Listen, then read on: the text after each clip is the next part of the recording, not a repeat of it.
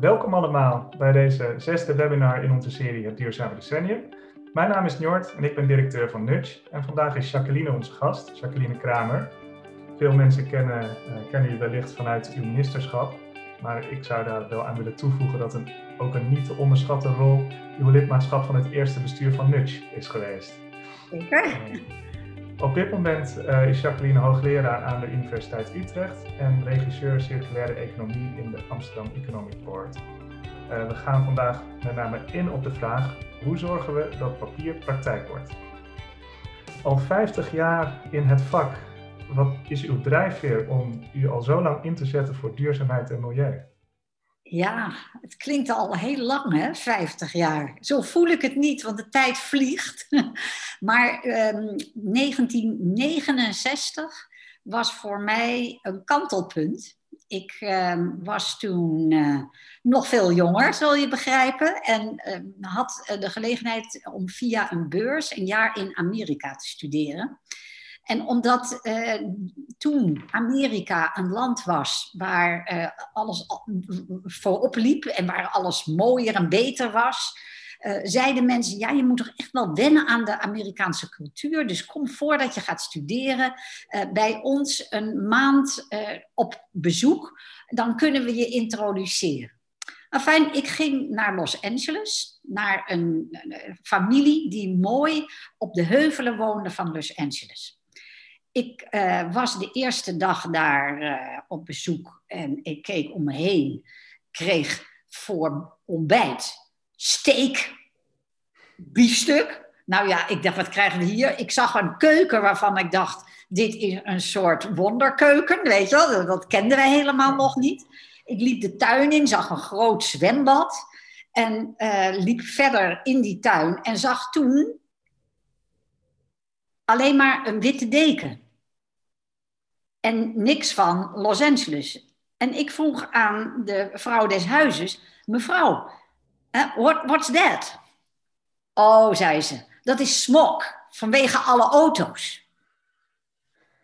En toen dacht ik, mijn hemel, stel je voor dat we allemaal zo rijk worden als deze familie. Als we allemaal in auto's gaan rijden. En dat gebeurde in Amerika natuurlijk al veel eerder dan bij ons wat voor land gaan wij dan in leven? Of wat voor wereld? Dat is toch niet houdbaar? En uh, dat was in 1969. En toen dacht ik bij mezelf: ja, wat kan ik in mijn leven doen? Zorgen dat ik daaraan kan bijdragen. Om die problemen het hoofd te bieden. En toen ging ik studeren in uh, Arkansas, nu een bekende staat vanwege Clinton, maar toen een uh, tamelijk conservatieve, uh, en nu nog steeds trouwens, staat in het zuiden van Amerika. Maar zelfs daar werd de eerste dag van de aarde mega groot gevierd. Ge en, en gedemonstreerd voor een betere wereld en, uh, een, en minder milieuvervuiling. En we hadden daar een teach in, zo heette dat. En uh, daar zat ik dus ook bij. En dat was echt dat ik dacht van, zie je wel, het gaat gebeuren. Nu gaan we echt met z'n allen dit aanpakken. Maar dat was uh, één keer een opleving in 1970. En ja, dat is wel meer gebeurd, dat er oplevingen zijn. En dat we allemaal zeggen, oh, oh, oh wat erg. Maar de, de problematiek van toen was eigenlijk relatief beperkt. Want wat wij zagen waren uh, de bodem, de water- en de luchtvervuiling. Dat waren zichtbare problemen die je ook redelijk makkelijk kon aanpakken.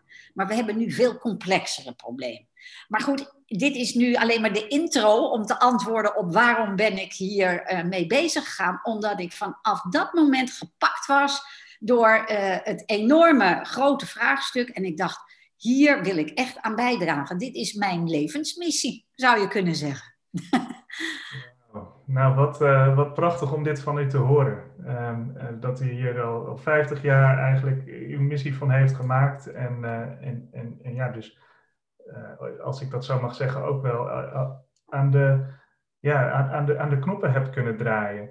Um, ik zou u willen vragen, als u nu terugkijkt naar de afgelopen periode en nou, ik, wij, wij, nemen het in deze webinarserie meestal wat korter, want uh, dit is ten gelegenheid van het tienjarig bestaan van Nudge. Dus we kijken meestal even wat korter terug. Maar ehm, als ik aan u vraag, hoe verschilt de situatie nu van die van vroeger? Ja, kijk, in 1970 hadden we een eerste opleving. Uh, dat was rond de tijd van de eerste dag van de aarde, maar ook in 1972 toen het boek de Club van Rome, hè, van de Club van Rome uitkwam, Grenzen aan de Groei. En toen maakte men zich ook al zorgen over de groei van de welvaart, de groei van de wereldbevolking en de consequenties die dat voor het milieu zou hebben. Um, en uh, toen was men wel heel erg bezorgd. Maar wat, je, wat we in feite toen in de jaren 70 met name en ook in de jaren 80 deden, is concentreren op vervuiling van bodem, water en lucht.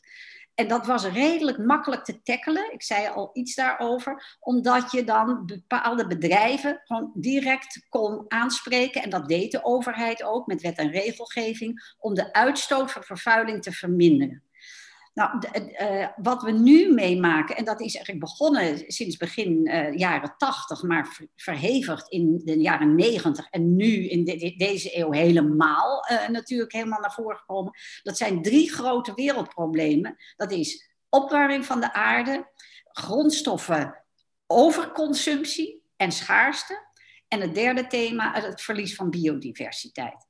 En die thema's die staan nu veel prominenter op de agenda dan vroeger. En zeker de jaren zeventig.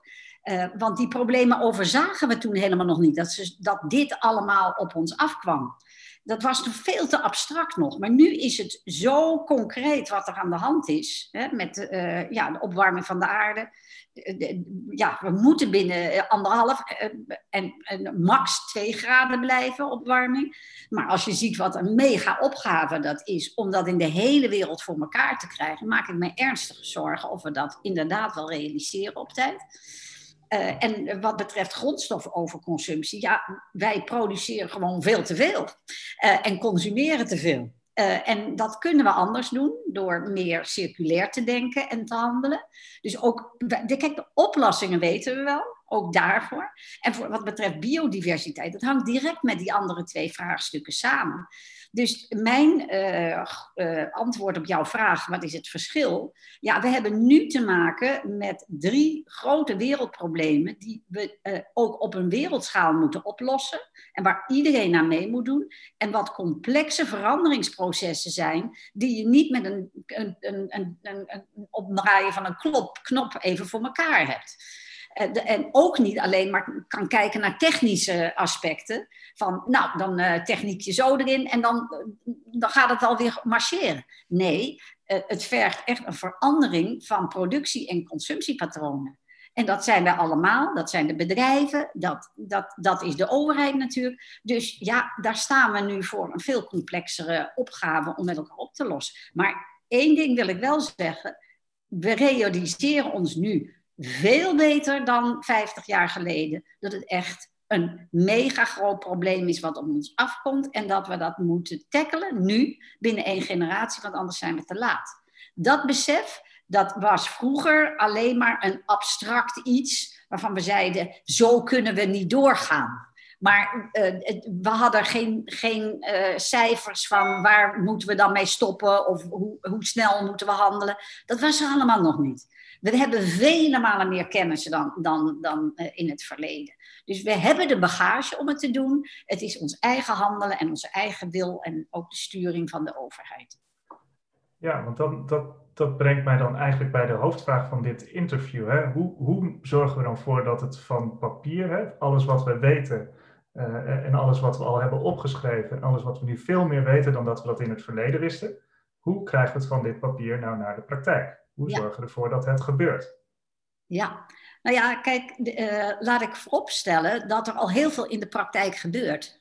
Uh, het is uh, niet zo dat we van nul af aan beginnen. Wat je alleen ziet is dat we nu in het land al een heleboel initiatieven nemen, maar dat de bundeling van de krachten en, en het, het ja, opschalen van al die krachten de grote problematiek is. de, de, de, allemaal leuke voorbeelden vind ik helemaal fantastisch en ook heel inspirerend. Maar iedereen worstelt met hoe schalen we dit nou op en hoe wordt dit mainstream? En hoe mhm. kantelen we eigenlijk de manier waarop we produceren en consumeren? En uh, wat je, uh, ja, dat, ik heb daar onlangs uh, in mijn coronatijd veel over geschreven, zowel wetenschappelijke artikelen, maar ook een meer toegankelijk boek over hoe kun je nou niet alleen maar praten erover, maar daadwerkelijk doen op zo'n manier dat het schaal krijgt.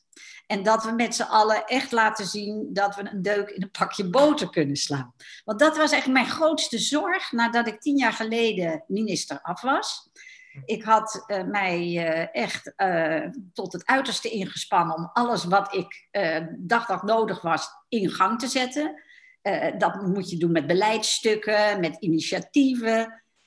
Maar wat ik merkte toen ik daar in Den Haag zat, dat was dat, dat de afstand tussen wat een overheid stuurt en wat er door allerlei netwerken moet worden ingevoerd, dat die afstand best wel groot is. En dat er ook uh, geen terugkoppeling is op een manier waardoor ik weet als minister van hola, maar als, als ik dit doe, dan gaat dit niet lukken, want dit en dit moet, anders, uh, ook, moet ook anders georganiseerd worden, anders krijgen we het niet voor elkaar. Dus ik vond dat de afstand te groot was. En toen heb ik besloten na mijn ministerschap mij vooral te wijden aan hoe krijgen we nou die energietransitie, die transitie naar een circulaire economie, nu daadwerkelijk in steden, in, in, in regio's, maar ook in productketens voor elkaar? En daar heb ik mijn energie in uh, gestoken om uh, bijvoorbeeld, uh, ik ben uitvoerder van, als voorzitter van het betonakkoord, om een hele sector mee te krijgen, plus de opdrachtgevers. Uh, ik ben betrokken bij uh, de manier waarop we nu matrassen anders gaan uh, inzamelen en niet verbranden, maar recyclen en redesignen. bij de textielketen, daar zijn we in de metropoolregio bezig om concreet dat ook om te zetten van niet alleen maar fast fashion, maar ook slow fashion. Dus we ja. doen ongelooflijk veel in, in die praktijk. En ik zelf ben daar dus echt helemaal ingedoken. Uh, en uh, ook in de regio Amsterdam met name, maar in het verleden ook in Utrecht. Dus, en wat ik dan zie, zijn een aantal dingen die mij opvallen wat er ontbreekt. Het hoofdpunt, en, en dan laat ik jou weer even vragen stellen, is dat we naast die traditionele overheidssturing iets anders nodig hebben. Um, de de uh, verhouding tussen overheid, bedrijfsleven en ons als uh, burgers in de samenleving is traditioneel. De overheid maakt de regels, natuurlijk in samenspraak met allerlei organen en instanties, maar die stelt de regels op en dan wordt het eigenlijk overgedragen naar degene die het moeten uitvoeren en dat zijn wij en de bedrijven. Wat je ziet bij transities is dat we niet allemaal dat individueel kunnen aanpakken, zoals in het verleden met een bedrijf wat zijn eh, emissies moest verminderen. Maar we zullen in netwerken moeten samenwerken om echt grotere stappen voorwaarts te zetten. Ik kan er allemaal voorbeelden van geven als je wil. Maar bijvoorbeeld het betonakkoord, dat krijgt één betonleverancier niet voor elkaar. Dan moet je die hele keten meekrijgen. En daarom heb je naast overheidssturing heb je netwerksturing nodig.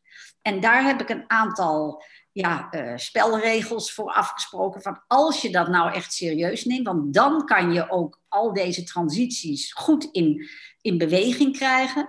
Uh, dan, dan heb je dus een aantal dingen nodig waar je vanuit moet gaan om dat voor elkaar te krijgen. Maar de essentie is samenwerken in netwerken waar je met elkaar duidelijke afspraken en, uh, maakt, verantwoordelijkheden en rollen verdeelt, die mensen dan ook moeten nakomen en waarvan niet de een kan zeggen, maar ik heb er niet zo zin in. Dan moeten al die partijen moeten, uh, ja, eigenlijk tekenen en handelen naar wat uh, afgesproken is om in de praktijk te realiseren. En zo werk ik ook met allerlei netwerken in, nu in de praktijk. En dat gaat daardoor, doordat we die, al die spelregels afspreken, best wel goed. Oké, nou dat, dat vind ik wel een mooie. En, en ik, ik heb ook begrepen van u dat dit ook uh, thema van uw boek is, hè? Uh, uh, ja. Netwerk governance. ik vind het wel een mooie omdat hij natuurlijk aansluit bij wat, wat we gewoon in de breedte zien. Ik, ik zie dat er veel meer in netwerken wordt gedaan ehm, op, op dit moment. En dat traditionele rolverdelingen ook heel erg veranderen, verschuiven. Ehm, maar als ik u zo hoor, dan zegt hij van nou, dat, daar moeten we echt gericht op sturen. En nu heeft hij in uw boek dan verschillende punten opgenomen, verschillende richtlijnen opgenomen hoe die sturing dan plaats moet vinden. Ja, kijk, want wat we tot nu toe hebben gezegd, ja, we werken in netwerken, en dan lijkt het net alsof dat informeel is en minder belangrijk. Terwijl ik merk dat willen wij echt die grote transities voor elkaar krijgen, dat die netwerken misschien nog wel eens belangrijker zijn voor de invoering dan de overheid. En uh, ik moet er onmiddellijk bij zeggen hoe duidelijker de, uh, ja, de, de maatregelen zijn van de overheid en hoe, hoe stringenter, hoe makkelijker die netwerken ook met elkaar de doelen realiseren. Want hoe meer sturing er is en hoe meer druk om te handelen, des te makkelijker krijg je die processen ook tot resultaten.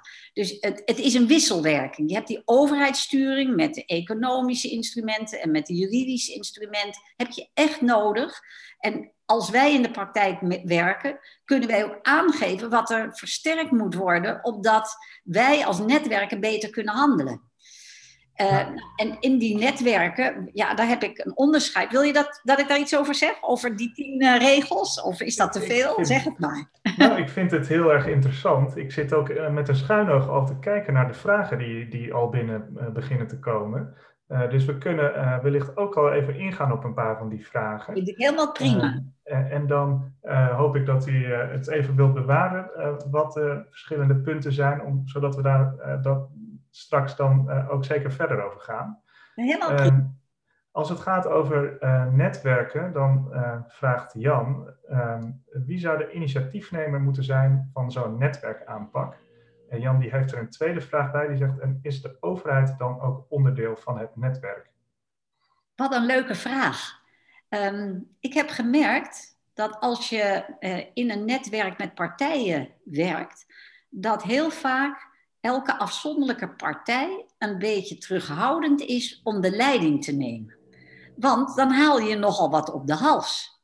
En het bedrijf zit in zijn bedrijfssilo, eh, de overheid ook in een silo, en uh, kenniswerkers ook, en burgers ook. Dus wat uh, wij doen, en, en wij is dan de Amsterdam Economic Board, maar ook andere mensen die eigenlijk als verbinder tussen die partijen uh, en ik noem dat transitiemakelaar zijn.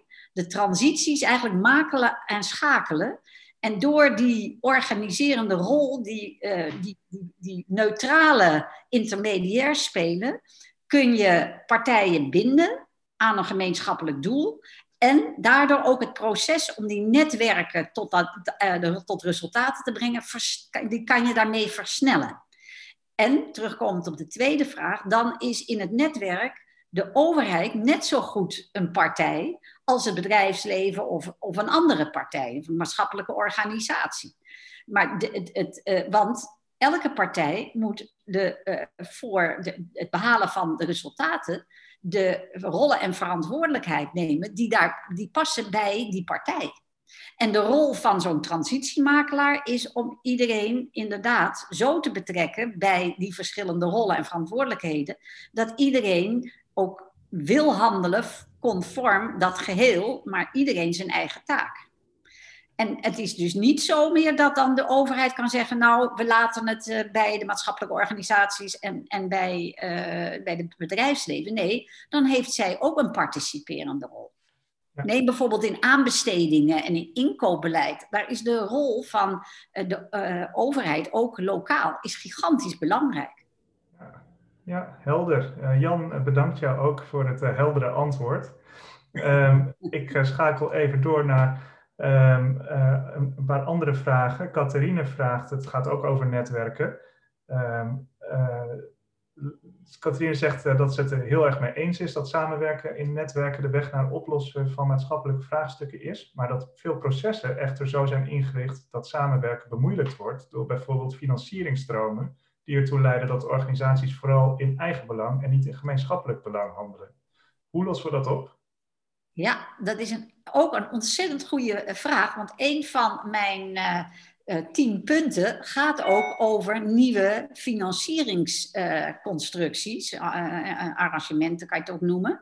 Want wat je inderdaad ziet, en dan ik zal een concreet voorbeeld nemen. We zijn in deze metropoolregio bezig om een initiatief te nemen om luiers eh, niet te verbranden, maar te recyclen. En de verschillende onderdelen van luiers ook weer terug te brengen. Nou, het mag dan niet uh, weer tot luiers, of althans, dat willen de consumenten liever niet. Maar dat zou dus in principe best kunnen, maar wel voor andere uh, toepassingen als je dan kijkt wat in de keten moet gebeuren, dan moet het ingezameld worden. Logistiek komt daarbij kijken. Dat is het dure deel, want dat is allemaal inzam en je verdient eigenlijk niks terug. Degene die het recycelt, verdient er wel wat aan als ze die uh, recyclaten ook tegen een prijs kunnen uh, verkopen die hoger is dan de, uh, de kosten van, van de productie. Um, dus wat je dan moet doen, is dan moet je echt wel met open boeken gaan kijken van wie heeft nou de kosten en wie de baten. En hoe ga je dat onderling uh, in een arrangement, in een keten voor elkaar krijgen. Anders dan blijf je altijd tegenover elkaar staan. Dus nieuwe businessmodellen, ik noem er nu één, hè, dus kosten en baten over de keten. Maar die zijn eigenlijk onderdeel van deze transitie. Want uh, anders blijft iedereen inderdaad in zijn eigen businessmodel en, en wil alle baten zo liefst mogelijk, zoveel mogelijk bij het eigen bedrijf of de eigen organisatie. Ja, interessant. En hier hebben we ook met uh, Jan Jonker over gesproken, inderdaad, die heel erg op nieuwe businessmodellen zit. En, um, en, en, we horen ook veel het uh, concept true price langskomen. Um, hoe kijkt u daarnaar? Nou ja, dat is natuurlijk uh, een heel goed mechanisme om de echte prijs van uh, een product, waar ook de milieukosten in zitten, om die mee te nemen in de totale kosten. Want die wentelen we nu anders, hè, die, die uh, externe kosten, af op de samenleving. En niet op het product waar het eigenlijk op moet worden verrekend. Mm -hmm. Dus daar ben ik het helemaal mee eens. Het is alleen politiek, heb ik gemerkt, een, uh, een, een, een nogal grote hobbel om op die manier te gaan werken. Maar je ziet het in aanbestedingen wel meer gebeuren. Dat ze zeggen, we gaan uh, rekenen met wat werkelijk de totale kosten zijn. Dus je ziet wel een beweging van onderop, uh, waar het in bepaalde transacties wel gebeurt. En, en dat vind ik een mooie ontwikkeling, want dan heb je echt een, een, een maatschappelijke prijs bepaald. Precies. Ik, uh, ik, ik, ik zie dat er nog heel wat vragen zijn, dus ik, uh, ik, ik ga gewoon door met vragen als u dat goed vindt, uh, vanuit onze kijkers. Um, um, ik ga even naar Veronique, die vraagt, waar, komt het, waar komt doorgaans het initiatief vandaan om de transitiemakelaar aan te stellen? Ja, dat is ook een goede vraag. Kijk, de, dit vak, transitiemakelaar zijn, is nog niet zo bekend. Dus dat, je moet het eigenlijk zelf creëren. Uh, niet iedereen kan het zijn, want je moet wel bepaalde competenties hebben. Dat schrijf, daar schrijf ik ook over in mijn boek. Uh, dus dat is wel een voorwaarde. Maar in het geval bijvoorbeeld van het betonakkoord hebben ze gevraagd of ik voorzitter wil zijn van de uitvoering. En dat vul ik in als transitiemakelaar dan heb ik mij uh, zelf niet benoemd, want ik ben voorzitter, maar ik vul het wel zo in. Uh, in de metropoolregio Amsterdam is de Amsterdam Economic Board een organisatie die uh, partijen bij elkaar brengt. Dat noemen we triple helix organisatie. En, en wij vervullen ook zo'n makelaarsrol om doelen te realiseren. Dus uh, het hangt een beetje af van het gremium wie uh, de aanstelling doet van de, de, de transitiemakelaar. Oké.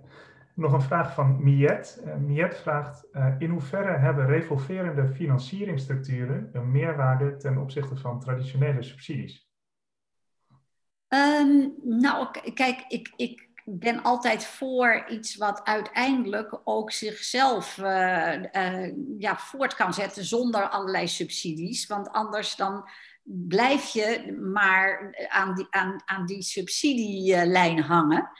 Uh, revolverende fondsen worden, ik ben bijvoorbeeld ook betrokken bij het Friese Energiefonds. En daar is het de bedoeling dat, dat uh, wat je leent ook teruggegeven wordt weer uh, aan, aan, aan het fonds hè, op termijn. Dus revolverend kan het zeker zijn.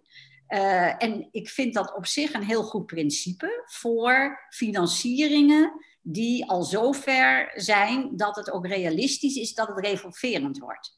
Ik ben niet tegen subsidies, want uh, bepaalde dingen zul je vanuit de samenleving wel van de grond moeten krijgen met subsidies om het een, eerste kickstart te geven.